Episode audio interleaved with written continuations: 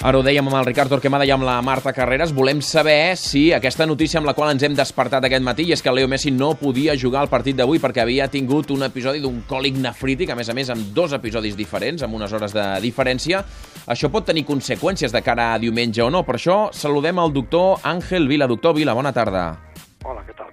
El doctor Vila és nefròleg i la pregunta és molt clara. Després d'haver passat un còlic nefrític amb el mal que fa, tres dies després es pot jugar un partit de futbol amb normalitat o no? Pues cualquier persona, mm, no. Y una persona con una capacidad eh, física portentosa, como puede ser este jugador, pues, pues tampoco. Porque lo primero que hay que saber es eh, por qué ha tenido el cólico. Porque un cólico se puede tener con piedra o sin piedra. Uh Entonces, si ha sido un cólico sin piedras evidentes y simplemente porque ha eliminado unos pequeños cristales que y la cosa se ha quedado ahí y no hay infección, pues bueno, pues una persona de su nivel físico, pues, pues no sé, eh, no es no es que sea aconsejable, pero bueno. Ahora, si tiene un cálculo, si se ha visto un cálculo o uno o más, entonces pues no, no puede jugar, por primero porque tiene una piedra ahí, si la tiene, y segundo porque en un partido de fútbol supongo que se pierde mucho líquido por Sí. la sudoración y sí, sí. esto es muy malo para una persona que tiene eh, una piedra y que ha padecido un cálculo hace pocos días. Uh -huh. Eh, el, el risc, quin és el risc si es juga al partit? Eh, Forçar molt a un cos que està baldat després del mal que ha el tingut? riesgo es otro cólico nefrítico más fuerte o que el cálculo se desplace a un lugar en que cree más problemas de los que está creando ahora, dependiendo dónde está. Y bueno, ya puestos a más riesgo, pues una, una infección de riñón Uh -huh. Eh, i, o de i, la vía urinaria. I pel que vostè explica, és igual que Messi hagi estat tota l'estona al costat d'un metge que potser l'està podent tractar des del primer minut. Eh, eh, clar. Sí, bueno, claro, esto es lo lógico, ¿no? Pensar que pensar que está recibiendo una una orientación eh, El truquen, doctor. Es- lo lógico es pensar que está recibiendo una muy buena orientación Uh -huh. y por tanto pues que se va a hacer lo, lo razonable, ¿no? Ahora, hay una clara diferencia entre hay diagnóstico de cólico nefrítico debido a la existencia de un cálculo en las vías urinarias, bueno, digo Ui, o no, yo esto no lo, lo desconozco.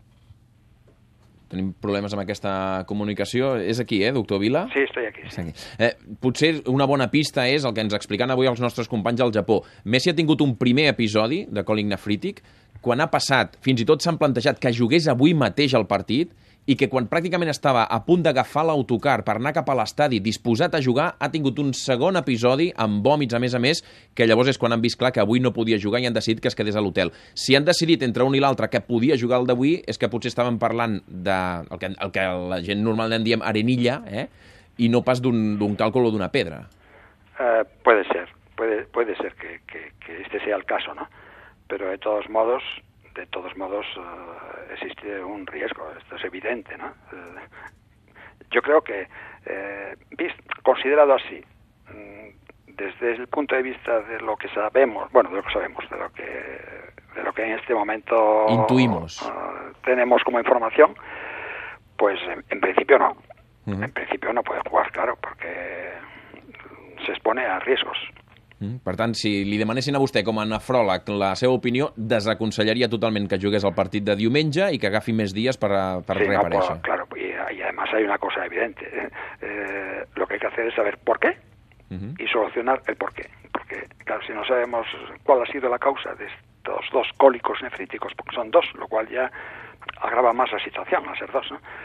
Pero, o- pero está claro que lo más importante de todo es saber por qué. No siempre un cólico nefrítico es debido a lo mismo. Mhm. no siempre es debido a lo mismo. Hay más causas, ¿no? Por tanto, mm, si no conocemos un poco más sobre la situación, es difícil sacar conclusiones.